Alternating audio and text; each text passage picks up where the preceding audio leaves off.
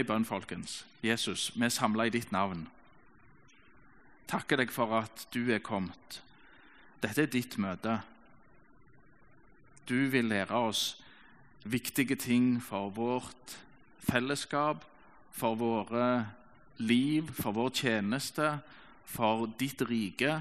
Og Derfor ber vi deg, Jesus, at du underviser oss i formiddag. At det er du som tar styringen, at de kjære Hellige Ånd At vi får hjelp til å forstå ordet, du leier oss djupt, og mer enn djupt, i ditt ord inn. Hjelp oss til det, Jesus. Takk for lille jenta som ble eh, bedt for i dag, men vi ber òg for alle oss andre. La oss være et fellesskap som hjelper hverandre på veien hjem. Takk at jeg òg kan kjenne velsignelse og glede, som ikke hører til denne forsamlingen, men som har bare søsken og, og kristne venner i flokken. Om enn vi kjenner hverandre bare litt, så takker vi for at vi kan bety noe for hverandre. Derfor ber jeg for denne flokken. Hjelp de på veien hjem. Hjelp de å få mange med seg. Hjelp de å være et lys i Verdalen og på bordet. Amen. Målretta samarbeid. Vi skal um, ta for oss eh, et kapittel i israelsfolket sin historie. Mange vet at israelsfolket hadde jo 400 år i Egypt som fanger. Og på neste bilde Jeg tør ikke ble lenger, for det går bare rett i kollekten med en gang.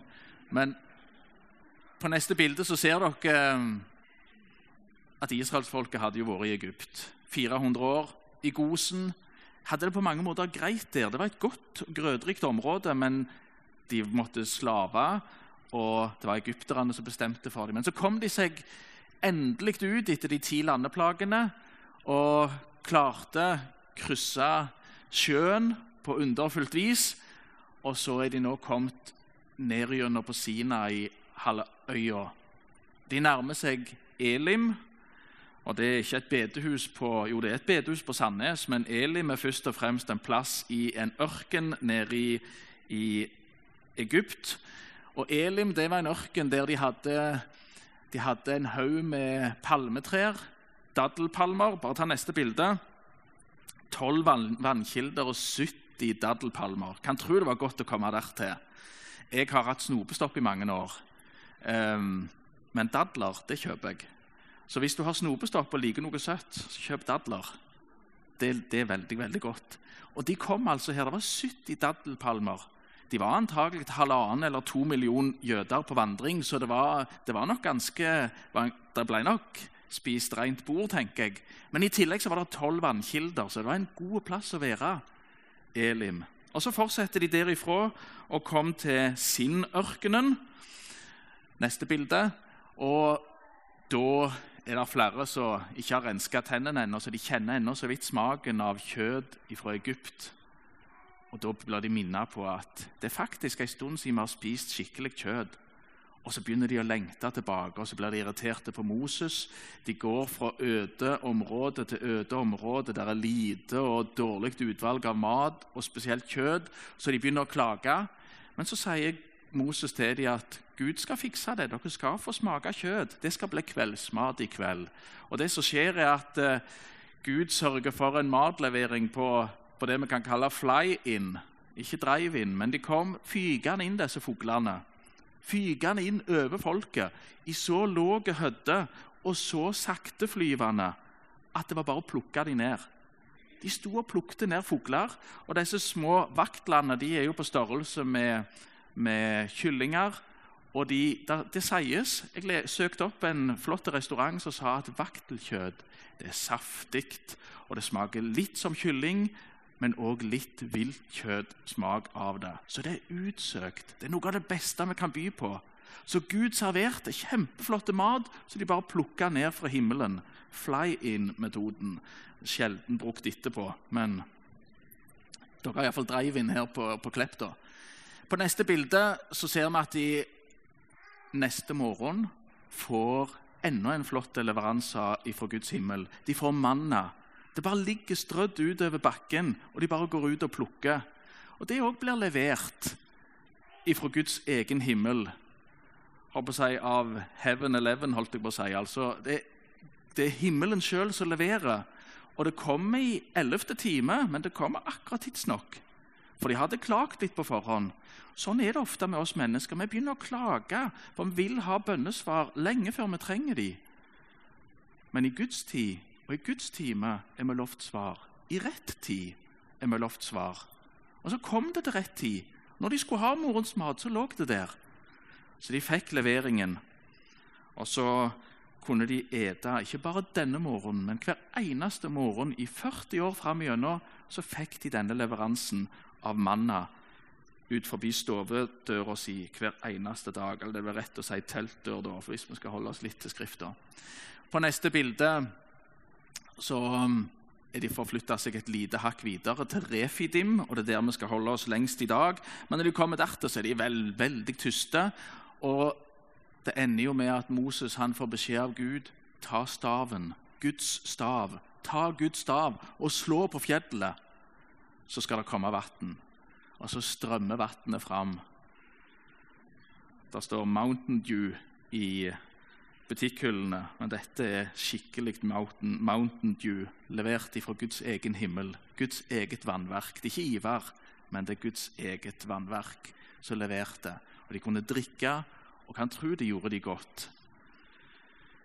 Men nå skal vi lese da, teksten for, for, dagen. altså Det er teksten jeg bruker i dag. Det er ikke den som blir brukt i alle andre kirker og menigheter, men den har jeg lyst til å dele med dere i dag. Og Vi leser om amalekittene. Jeg sier litt om dem aller først. For amalekittene, som vi nå møter i første ordet i denne setningen, de er et nomadefolk. Veldig blodtørstige, veldig krigerske, farlige og frykta. Hør hva som skjer. Amalekittene kom og gikk til kamp mot israelittene i Refidim. Da sa Moses til Josva.: Velg ut noen menn for oss, dra av sted og kjemp mot amalekittene. I morgen skal jeg stå på toppen av høyden med Guds stav i hånden. Josva gjorde som Moses sa, og kjempet mot amalekittene. Men Moses, Aron og Hur gikk opp på toppen av høyden. Da gikk det slik til at så lenge Moses holdt hånden oppe, hadde israelittene overtaket. Men så snart han lot hånden synke, fikk amalekittene overtaket.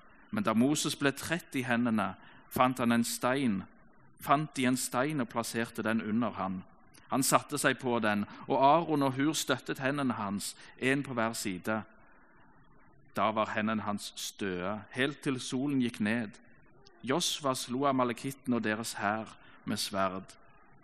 Siden sa Herren til Moses, skriv dette ned i en bokrull som et minne, og les det opp for Josva. For jeg vil fullstendig utslette minnet om amalekittene under himmelen. Da bygde Moses et alter og kalte det 'Herren er mitt banner'. Han sa, 'En hånd på Herrens banner'. Herren skal kjempe mot amalekittene fra slekt til slekt skal vi ta med litt fra femte Mosebok òg. For Moses fikk altså beskjed av Gud du må skrive ned dette som hendte. Dette skal være til lærdom. Her er nyttige ting å ta med seg. Og Så skriver han bl.a. i 5. Mosebok noe som vi skal bare notere oss. og Der står det sånn Husk hva amalekittene gjorde mot deg underveis da dere dro ut av Egypt. De overrasket deg på veien da du var utsultet og utmattet. Uten frykt for Gud hogg de ned baktroppen, alle som var blitt liggende etter. Så her ser vi at denne gjengen, denne røverbanden, disse nomadene i Sinai-ørkenen, de tok de svakeste, de eldste de sykeste, ungene, de som ble liggende etter, de som ikke klarte å holde samme tempoet, baktroppen. De som var handikappa, de som var skada, de tok de, og de hogg de ned. Så det var et grusomt, et ondskapsfullt angrep. Det er verdt å legge merke til. Og disse amalekittene Vi kan bare notere oss at leser vi litt videre gjennom Mosebøkene, så ser vi at amalekittene blir lagt merke til bare noen måneder senere, når Moses sender de tolv speiderne inn i Israel. De er kommet helt fram til grensa til Israel, til landet de er på vei til. og Så sender de en tolvmannsdelegasjon inn for å utspeide, for å være på befaring. og De kommer tilbake etter 40 dager og har en beskrivelse. og Der sier flertallet, når de begrunner sin innstilling, så sier de vi tør ikke reise der. Det er altfor alt vanskelig å innta det landet, og amalekittene er der, sier de. De frykta det folket. Det var ett av argumentene mot å reise inn. Heldigvis så kom de der inn til slutt, men det ble en veldig lang reise for Israel. 40 år. En lang, lang omvei. Verdens lengste strafferunde. Men de ble på veien, og vi skal ta med oss noen lærdommer fra dette i dag. Lederskap, god organisering og samarbeid. Neste bilde. Moses han var Guds mann, sier Bibelen til oss. Og Moses, Der står bl.a. om han i 4. Mosebok at Moses var en svært ydmyk mann. Mer ydmyk enn noe annet menneske på jorda. Tenk dere det. Tenk å ha en sånn en leder. Så ydmyke, så forsiktige. Han trong hjelp av noen som kunne være talefører når han mista munn og mæle. Han trong hjelp av noen som kunne støtte han når han kjente seg svak. Moses var litt av en leder. Moses brukte Gud som samtalepartner hele livet. Alltid henvendte han seg til Gud, og han gjorde det på en ærlig måte. Og Det er noe av det viktigste vi trenger å forholde oss trenger å lære. Det å forholde oss til Guds ord. Det å forholde oss til Guds egen veiledning. Bibelen er brukerhåndboka. Bibelen er håndboka for livet i lag med Han. Det gode livet, det som Han vil vi skal leve. Så hadde han nære medarbeidere med seg. For han drev på en måte med dobbel lytting. Han lytta mye til Gud. Han førte samtaler i bønn. Og han fikk beskjeder. Han fikk til og med skrevet på, på tavler. Og han fikk på mange måter beskjeder ifra sin far i himmelen. Hørte hans stemme. Men i tillegg så lytta han til andre mennesker. Han hadde en bror som han knytta veldig sterkt til seg, Aron. Og han knytta òg sterkt til seg Hur, som vi hører om i denne teksten. Han snakker med søster og Miriam. Og så bruker han svigerfaren òg som en veldig god medarbeider og rådgiver. Og Det skulle få en avgjørende betydning for ham, for svigerfaren så, når han studerte svigersønnen sin eh, Det kan vi lese om i det neste kapittelet, altså det 18. kapittelet. Vi skal ikke gjøre det, men hvis du vil lese, så kan du lese om hvordan Jetro, svigerfar til Moses, han ga Moses råd om en bedre organisering det er godt å organisere seg lurt. Det er viktig å organisere seg lurt. Alt går så mye bedre da. Vi trenger rammer, vi trenger instrukser, vi trenger god organisering. Og Det var Moses flink til, rett og slett fordi han hadde så mange gode folk han lytta til.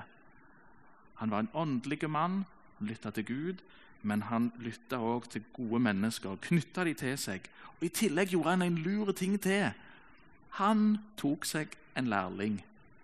Og dere, dere hørte navnet Josfa her. Mange av dere har hørt det navnet før. For Josfa er liksom den neste helten i rekka i Bibelen.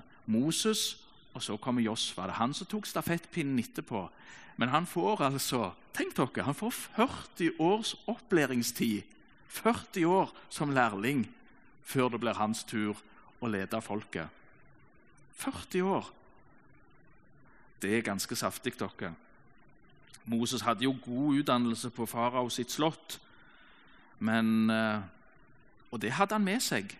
Han forkasta helt sikkert ikke alt han hadde lært. Han hadde sikkert sett så mye bra av organisering, av struktur, av samfunnsledelse. Og han hadde kanskje lært av deres feil òg. Det er òg heldigvis lov. Men nå skal vi tilbake til den dagen som vi leste om, og så ta med oss noen av de, de tanker om, om, lederskap, god organisering og samarbeid som vi kan se bare i dette eksempelet her. På neste bilde Josva. Han hadde headhunta menn med seg i kampen når han skulle lede slaget ned i dalen. Der står det at han tok med seg noen menn. Antagelig var det ikke en svær hær. Tallet var ikke så viktig. Men det viktigste var å finne noen som var skikka, noen som passte, noen som, som, kunne gå inn i kampen. Og så gikk de der ned på, på slagmarken. Og så visste Josfa at oppe på høyden, oppe på fjellet, der står der en og organiserer en helt annen kamp. I en helt annen verden, i helt annet, en helt annen tilværelse. Den åndelige tilværelsen. Der blir det der blir der kjempa en kamp. Og Det visste Josva om, og det lærte han helt ifra en av sine første dager som lærling. Kampen må kjempes på to områder. I Guds rike så må vi alltid tenke to ting på en gang. God organisering. Tenke menneskelig, lurt og organisere oss på lure måter. Få til et godt menneskelig samarbeid. Men hvis ikke dialogen, hvis ikke Gud blir kobla på, så går det absolutt ikke. For Israel, dette folket, hadde sine allierte. Det var ikke USA. De har jo USA som sin mektige allierte i dag. Men den gangen var de veldig bevisst på at de hadde en Gud i himmelen. Og vet dere, Jeg ser faktisk i denne teksten den treenige Gud i denne teksten. For Moses han fikk beskjed om å holde staven høyt. Om han holdt akkurat på denne måten, det kan vi jo ikke vite. Men han holdt iallfall hendene og staven høyt. Det var Guds stav. Han ble kalt Guds stav. Det var på en måte en synliggjøring av at Gud er med oss. Den skulle holdes høyt. Det måtte være det viktigste. Det måtte være overskrifter overalt. Gud er med oss. Og så var det altså én som nettopp var kommet med på laget, og det var Josva. Er du klar over det at Josva han har samme navnet som Jesus? Josva og Jesus. Josva hebraisk, og Jesus er på arameisk. To litt ulike dialekter. Jesus kom på den tida da de brukte arameisk språk. Men på engelsk så sier, sier, sier, de, sier de Joshua om Nei, unnskyld, på hebraisk sier de, Joshua om Jesus. Og det forteller oss Jesus og Josva, akkurat samme navnet. Det er på en måte en synliggjøring av den treenige Gud. For Jesus han står, han, eller Josfa han gikk også inn i kampen, og så står det at med sverd så vant han seier. Og Har du lest Efeserbrevet, så vet du at sverdet det er åndens sverd. Åndens sverd. Jeg tror at Gud ville prøve å synliggjøre. For oss i dag så kan vi iallfall se det. Den treenige Gud, den evige Gud, var med folket i denne striden. Og han vil være der i dag òg. Han vil være med oss alle. Vi må være klar over den treenige Gud, Fader, Sønn og Ånd. Han er med oss. Han vil være med oss. Og Vi må være bevisste på at vi ikke bare fokuserer på den ene delen av guddommen, men treenigheten. Gud er én, og Gud er tre samtidig. Dette underet, dette merkelige som vi ikke kan forstå. Det var ikke Josva sin dyktighet som gjorde at de vant striden der nede. Det var ikke soldatene sin ferdighet, for de var jo ikke spesielt trente. Noen av dem de hadde vært en og en halv måned cirka, på reis etter de hadde forlatt Egypt. De hadde ikke hatt tid til å organisere noen, noen her, førstegangstjeneste og våpentrening. Nei, sånne ting hadde de ikke hatt tid til. De kom rett ifra slaveriet og hadde sikkert ikke hatt mye våpen i hånd, for det pleier ikke slaver å ha. Så våpentrente og dyktige og krigsstrategiske var de iallfall ikke. Men det var det som skjedde på fjellet, som gjorde susen, som gjorde den store forskjellen. Og Det minner oss òg om viktigheten av bønn. Vi kan organisere oss så klokt, så lurt, så, så strategisk, sånn at vi er i verdensklasse på det området, men uten den åndelige dimensjonen uten ordets og bønnens tjeneste, som de snakker om i apostelgjerningene. Så de setter av folk til. Der står det om de første kristne. Det var noen som, som ikke skulle bruke så mye tid på praktiske oppgaver, på diakoni, på, på det å gjøre praktiske oppgaver. fortelles det i, i apostelgjerningene 6. For de skulle ha en spesiell tjeneste i bønn, i ordets og bønnens tjeneste. Denne kampen som skjedde der på fjellet, minner oss om bønn. Og så var de bare tre stykker der oppe, men de var så avgjørende.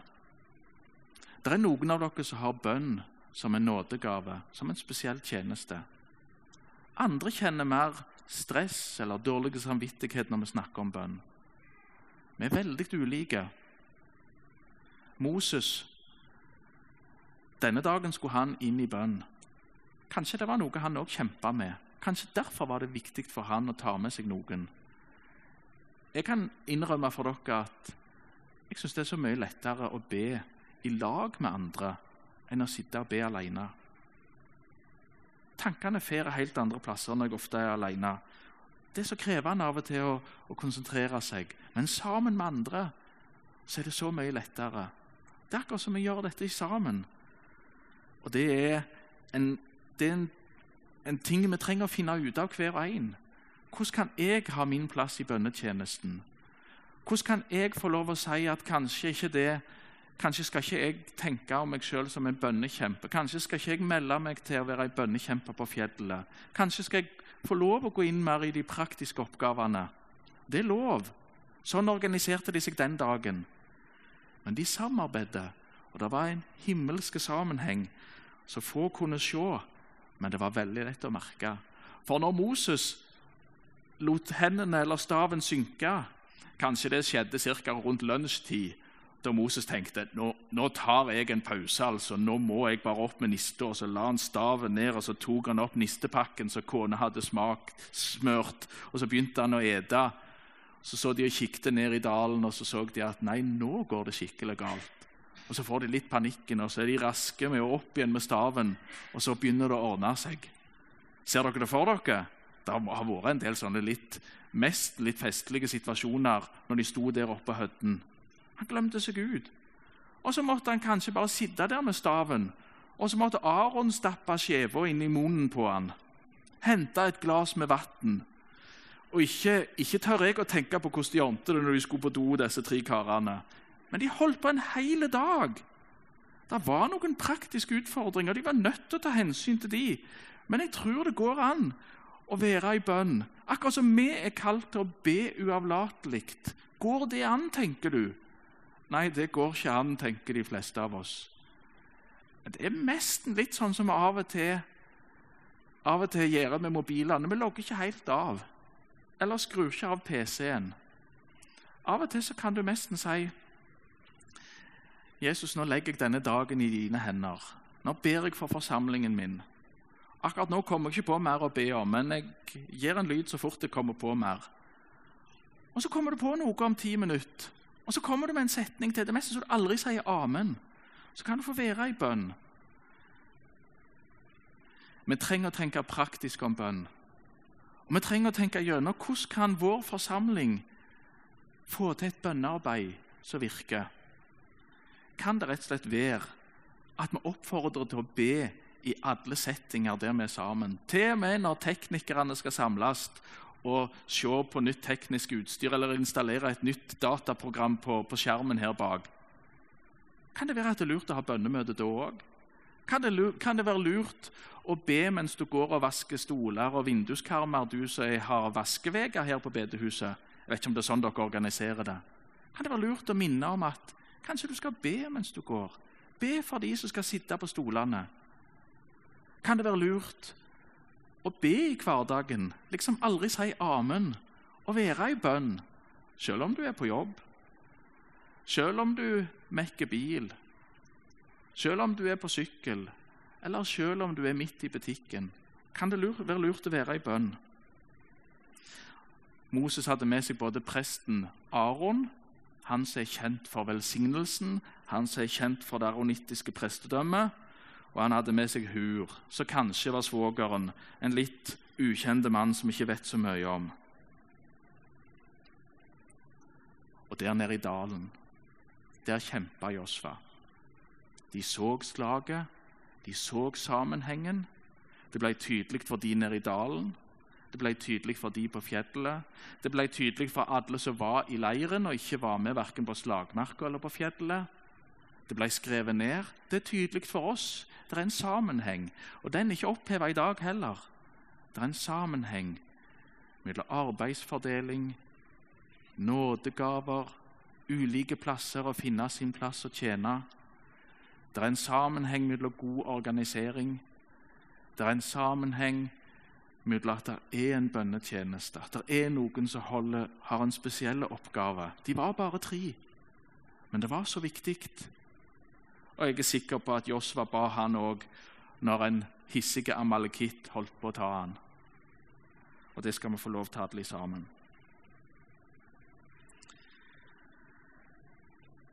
Og så gir altså på neste bilde så gir altså, Det var to like bilder, så nå er du kommet til rette, ja. Så er altså Josva kommet på banen. Jeg har bare lyst til, lyst til, å kommentere en ting, for Josva er altså en sånn spennende kar. Han bærer navnet som betyr Jesus, eller som er likt med Jesus sitt, på ulike dialekter.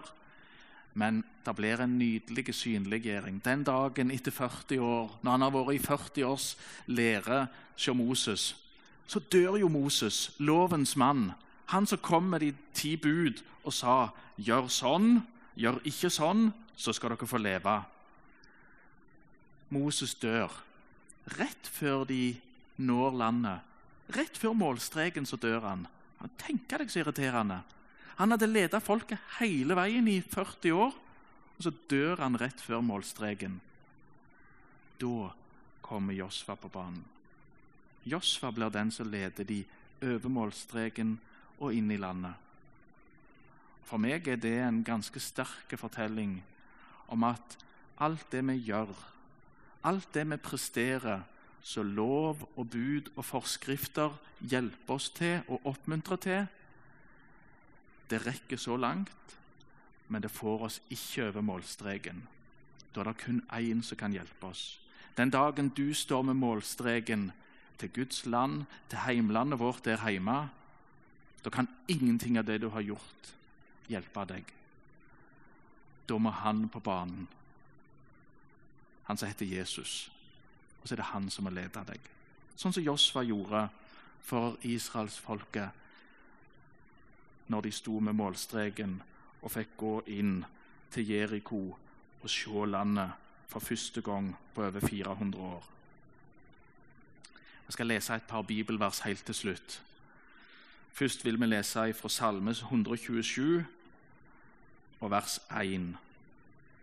Hvis Herren ikke bygger huset, arbeider byggmennene, bygningsmennene forgjeves. Hvis Herren ikke vokter byen, våker vaktmannen forgjeves. Vi må blande Gud inn i vårt arbeid. Vi må tenke annerledes enn alle andre. Vi hører til et annet, en annen virkelighet. Vi hører til Guds rike. Vi trenger bønn. Vi trenger ordets tjeneste. Vi trenger åndelige ledere. Vi trenger et åndelig arbeid. Og det er så viktig for oss. Så bygde Moses et alter, neste bilde, og kalte det 'Herren er mitt banner', og han sa en hånd er utdrakt fra Herrens trone. Jeg siterer nå fra Norsk bibel 88, så får fram en, en setning som er så nydelig. Moses sier en hånd er utdrakt fra Herrens trone.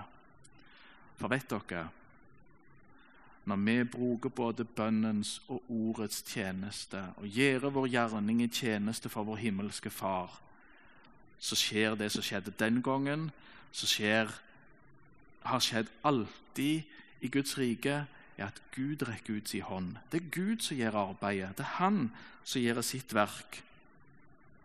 Hemmeligheten i dagens tekst for oss er ikke Moses' sin utdrakte hånd og hans organisering for å holde hendene og staven høyt, men hemmeligheten er Guds utdrakte hånd. Så skal vi avslutte med et nydelig vers av Paulus. For Paulus han eh, skrev brev til de kristne i Korint. Han hadde vært i den menigheten, vært med å stifte den.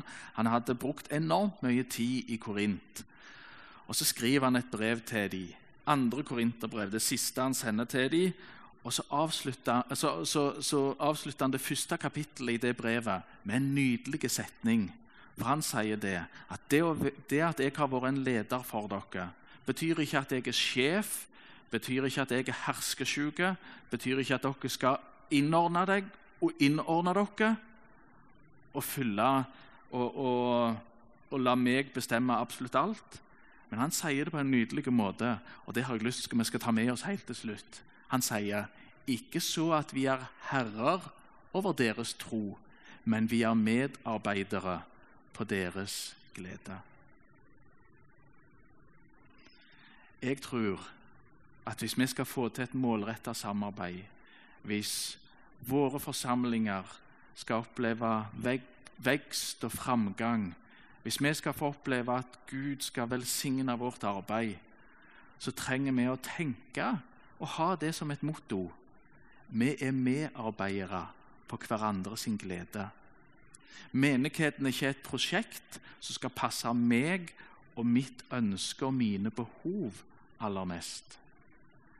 Jeg skal ha som ønske, og hvis alle har som ønske at vi er medarbeidere, både de som har lederoppgaver i forsamlingen, og uansett hvilken tjeneste du har Hvis ditt ønske er jeg vil være en medarbeider på de andre sin glede, eller på vår felles glede, da tror jeg det går an å nå langt. Da tror jeg vi er, begynner å komme i nærheten av det som Gud vil velsigne, det som Gud vil rekke sine hender utover. Da når Gud vil gi vekst, for han er den eneste som kan. Han vil så gjerne at gutter og jenter i hus og nabolag rundt forbi her, voksne, eldre, gjennom dere skal få lov å møte Han, Hans kjærlighet, Hans nåde, Hans frelse. Jesus, vi er samla i ditt navn. Vi ber om at du viser oss i våre forsamlinger hvordan vi kan organisere en åndelig bønne, ordets tjeneste. Ikke nødvendigvis på et fjell. Hvordan kan vi gjøre det i vår forsamling, i lederskapet? Hvordan kan alle få lov å være med på sine ulike måter i den tjenesten? Vis oss hvilke praktiske oppgaver vi skal ha. Vis oss våre nådegaver. Vis oss at vi er kalt til å være medarbeidere for hverandre sin glede. Amen.